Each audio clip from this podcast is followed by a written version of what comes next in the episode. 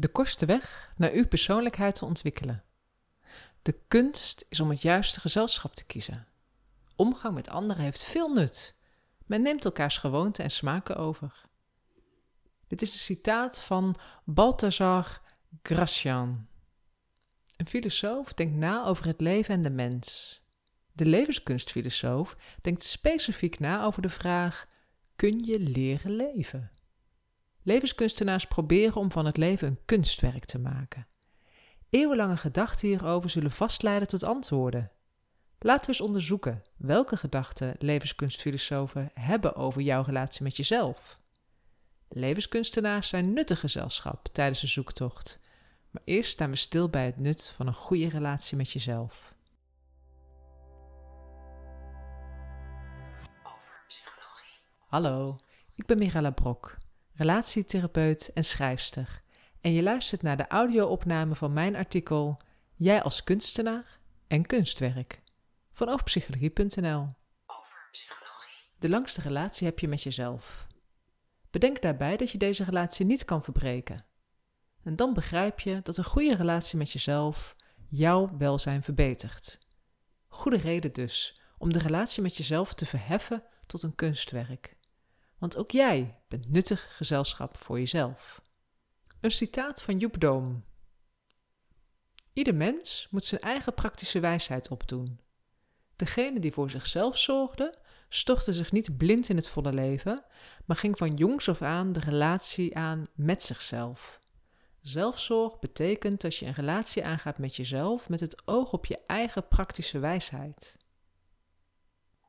Goh, een goede gedachte van deze levenskunstfilosoof. Wat denken levenskunstfilosofen over jouw relatie? Over psychologie.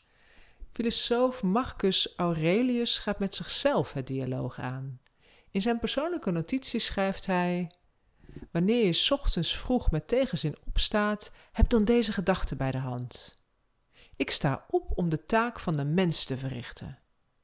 Zie je de planten niet en de mussen, de mieren, de spinnen, de bijen, die allemaal hun eigen taak verrichten en, op hun manier, meehelpen de kosmos te laten functioneren? Wil jij je werk als mens niet doen? Haast je je niet om te doen wat bij jouw natuur past? In zijn notities stelt hij zichzelf daarop de goede vraag: Maar je moet toch ook rust nemen? En op die vraag antwoordt hij zichzelf: Zeker, dat vind ik ook. Maar ook daaraan heeft de natuur grenzen gesteld. Die heeft ze ook gesteld aan eten en drinken, en toch overschrijd je daarin de grens van wat goed genoeg is. Maar als het op handelen aankomt, is dat niet meer zo. Dan blijf je onder wat je zou kunnen. En waarom is dat zo? Over psychologie. Een andere levenskunstenaar, Schiller, redeneert dat de natuur speels, holistisch en esthetisch is. Quote: De boom produceert talloze kiemen, die onvolgroeid verloren gaan, en strekt veel meer wortels, takken en bladeren naar voedsel uit dan gebruikt worden voor de instandhouding van zichzelf en zijn soort. Wat hij van overdadige rijkdom ongebruik en onaangeroerd teruggeeft aan de natuur, mag door het levende vrolijk verbrast worden. Van dwang naar de behoefte of de fysieke ernst maakt de natuur via de dwang van de overvloed of het fysieke een spel. Overgang naar het esthetische spel. Nou, zo wekt Aurelius je ochtends enthousiast uit je bed, opdat je een zinvolle bijdrage geeft aan het leven. Schillen daagt je uit om gul, speels en mooi bij te dragen. Als je de overvloed geeft, betekent dat dan ook dat je overvloed makkelijk mag verwachten? Schopenhauer meent van niet. Dubbele punt. Dat we de wereld betreden vervuld van aanspraak op geluk en genot, en dat we deze dwaze hoop koesteren, ze in werkelijkheid om te zetten tot in het moment dat ons lot ons duidelijk maakt dat niets van ons is, maar alles het zijne is. Meer zaaien, minder oogsten? Om te voorkomen dat je ophoudt met je verantwoordelijkheid te nemen en zo de aarde en jezelf schaadt, schenkt Schopenhauer je verschillende tips. En deze tips helpen je om om te gaan met de toevallige grillen van het leven. Zo kun je jouw best blijven doen om je eigen aandeel te scheppen. Zomaar een lijstje van zijn verschillende tips. Bijvoorbeeld tip 7. Overdenk een zaak goed voordat je eraan begint. En staak je gepeins zodra je een keuze maakt en aanvaardt de uitkomst. Tip 21. Voorkom dwang van buitenaf door jezelf dwang op te leggen. Tip 30. Iets doen, ondernemen of leren. Het proces dus is belangrijker dan het resultaat. Tip 36. Stem je aanspraken op genot, bezit, aanzien en eer af op jouw middelen en ben zelfs dan bescheiden in je aanspraak. Tip 42.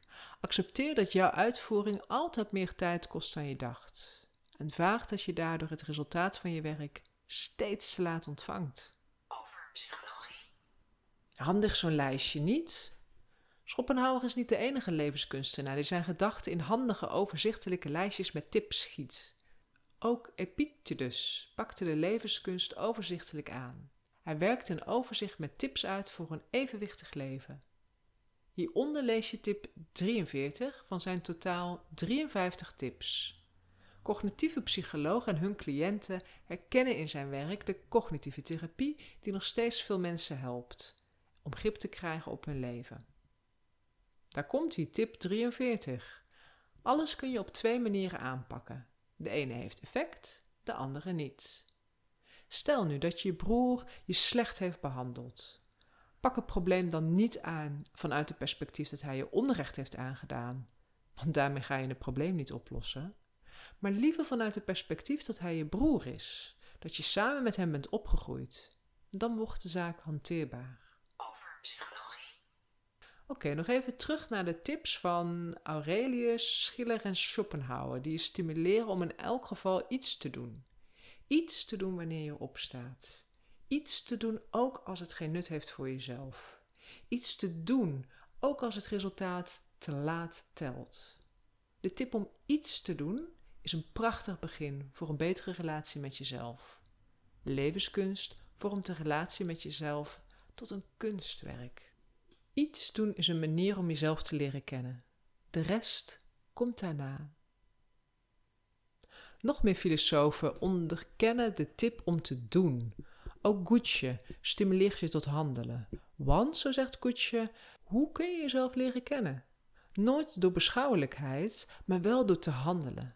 Probeer je plicht te doen en je weet meteen wat je in je macht hebt. Door steeds te doen en daarop te reflecteren kun je onderzoeken wie je bent. Levenskunstenaar Emerson stimuleert je om te worden wie enkel jij kan worden en dus te doen wat alleen jij kan doen. Dubbele punt. De kracht die in hem huist is nieuw in de natuur en niemand buiten hem weet wat hij vermag en zelfs hij weet niet waarvoor hij het geprobeerd heeft. Over psychologie. Een opsomming. Aurelius en Schopenhauer zeggen: begin met iets te doen. Schiller zegt: doe wat je doet, speels en schoon. Gucci reflecteert op wat je doet en dat dan steeds beter te doen. Emerson zegt: luister en handel naar je innerlijke stem die je ingeeft om te doen wat enkel jij kan doen. Komen er nog twee bij, Mil en Kriekegaard. Zij stellen: kies steeds bewust je nieuwe gedrag, of het zal voor je gekozen worden. Over psychologie. De stemmen van al deze filosofen vormen één lied. Hun meerstemmigheid geeft nuances. Ze beklemtoont verschillende woorden in hetzelfde lied en zo vullen ze elkaar mooi aan. Dit lied heet volgens mij Aldoende leer je wie je bent. Over psychologie. Een citaat van Mill. Zolang de mensheid niet volmaakt is, is het nuttig dat er een verscheidenheid van meningen bestaat. En zo vult Mill dit meerstemmige lied aan. En zodoende doet hij nog een belangrijke aanvulling. Iemand die iets doet omdat het gewoonte is, maakt geen keuze.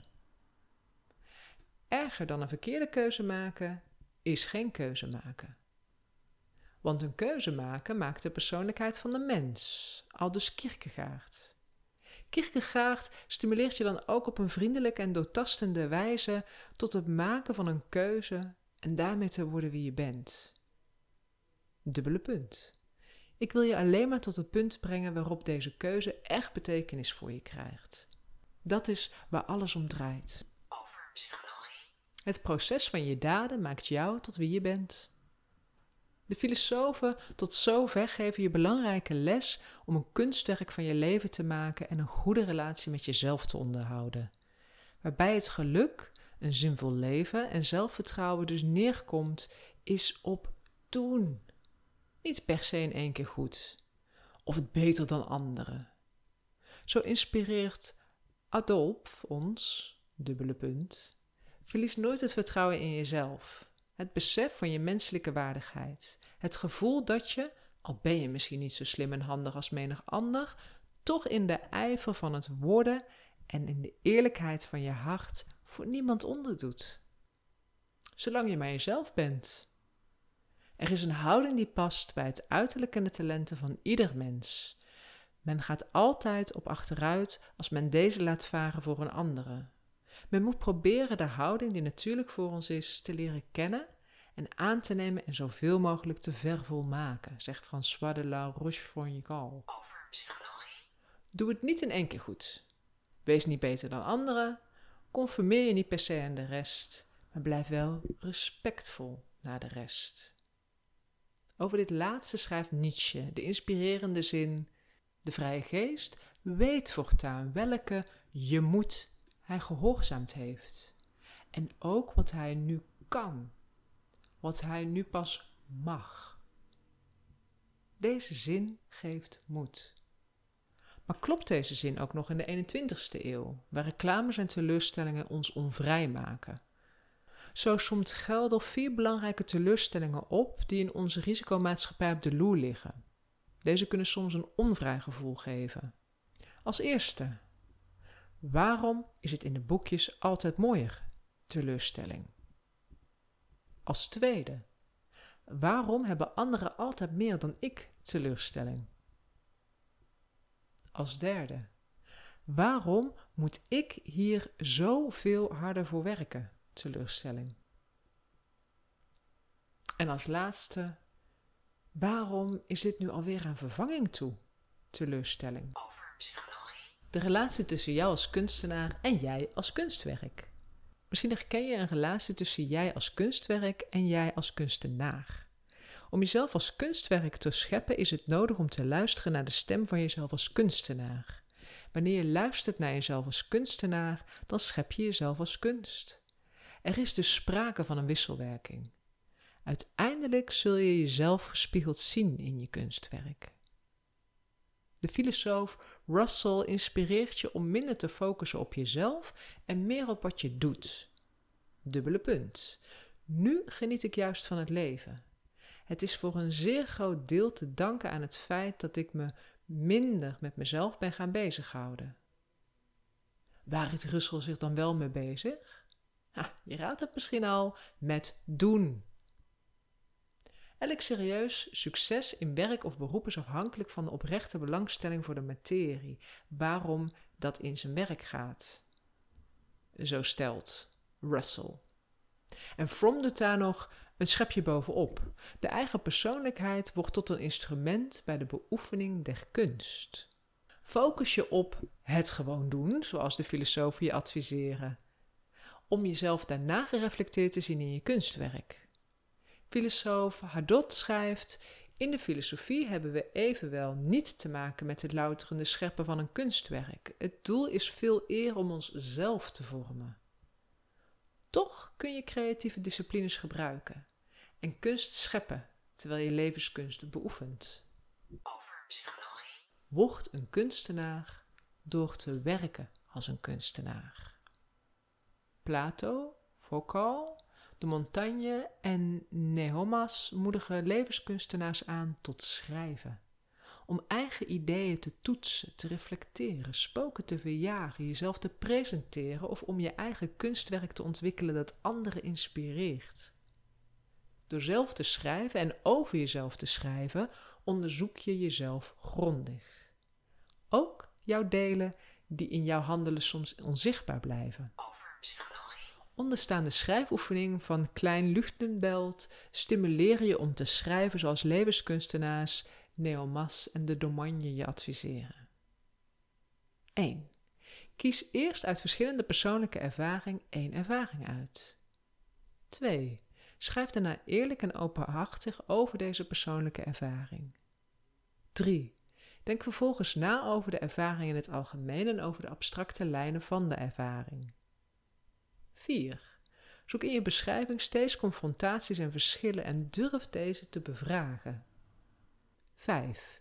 Stel jezelf tijdens het schrijven een aantal keer twee vragen. Wat betekent dit in mijn leven? Wil ik zo leven? 6. Leg tot slot de tekst weg en laat je schrijfwerk bezinken. over psychologie, De montagne waarschuwt om tijdens dit scheppen van externe kunst je interne kunstwerk niet te verliezen. We zijn het aan onszelf verplicht om goed te leven, niet om goede boeken te schrijven. En het gaat niet om veldslagen te winnen en gewesten te veroveren, maar om kalmte en rust te vinden bij de dingen die wij doen. Een zinvol leven leiden. Dat is een meesterwerk waarop je trots kunt zijn. over psychologie, Levenskunst vormt een relatie met jezelf. Een citaat van von Knische. Je moet maar eens op het verschil in je stemmingen letten. Hoe geërgerd, hoe verstrooid, hoezeer tot last ben jij jezelf niet na een paar doelloze, misschien zelfs schadelijk doorgebrachte uren en hoe opgewekt en onderhoudend, vol van je eigen gedachten ben je daarentegen niet op een avond van een nuttig besteden dag. Levenskunst vormt de relatie met jezelf. Welke gedachten hebben levenskunstfilosofen over de relatie die een individu met zichzelf heeft? Eeuwenlang redeneren hierover leidt tot antwoorden om de relatie met jezelf te verbeteren. En zo ontstaat een stappenplan van een levenskunstenaar. 1. Zorg voor goed gezelschap. Te weten jijzelf, filosofen en de natuur. 2. Zij meer dan je oogst en accepteer de ongelijkheid. 3. Maak gebruik van je cognitieve vermogens. 4. Werk lijstjes af of schrijf je eigen lijstjes, maar doe in elk geval iets. Maak het desnoods later weer meer passend. 5. Zie jezelf weer spiegeld in jouw daden. 6. Verwerk teleurstellingen. Maar bovenal accepteer dat jij als kunstwerk nooit af bent. En daarom ben je als kunstenaar ook nooit klaar met je werk. Levenskunst vormt een relatie met jezelf en je zult nooit met pensioen gaan van jezelf. over psychologie, Een quote van Pierre Hadot. Iedereen is vrij om de filosofie te definiëren zoals het hem of haar goed dunkt. Om de filosofie uit te kiezen die hij wenst of om, als hij dat kan, een of andere filosofie uit te denken die hij waardevol acht. over psychologie, Hoe andere kunsten de relatie met jezelf vormen. Overpsychologie.nl publiceerde een drieluik over jouw relatie met jezelf. Filosofen, relatietherapeuten en de gewone mens geven je tips. In het eerste deel komen filosofen aan het woord. Specifieker nog filosofen die zich bezighouden met levenskunst. Joep Domen en Dick Kleinluchtenbelt schreven vele boeken over levenskunst. En over psychologie maakte gebruik van hun werk om levenskunst aan je uit te leggen. Onder de blog van dit audiofragment vind je een lijst van inspirerende literatuur. Levenskunst vormt de relatie met jezelf tot een kunstwerk. over psychologie, Binnenkort hoor je ook het audiofragment op over psychologie van deel 2 over de relatie met jezelf. Die is geïnspireerd door relatietherapeuten. En uiteraard volgt daarna ook deel 3 over de relatie met jezelf, die geïnspireerd is door de gewone mens. Mis de publicaties niet en schrijf je in voor de nieuwsbrief van Over Psychologie.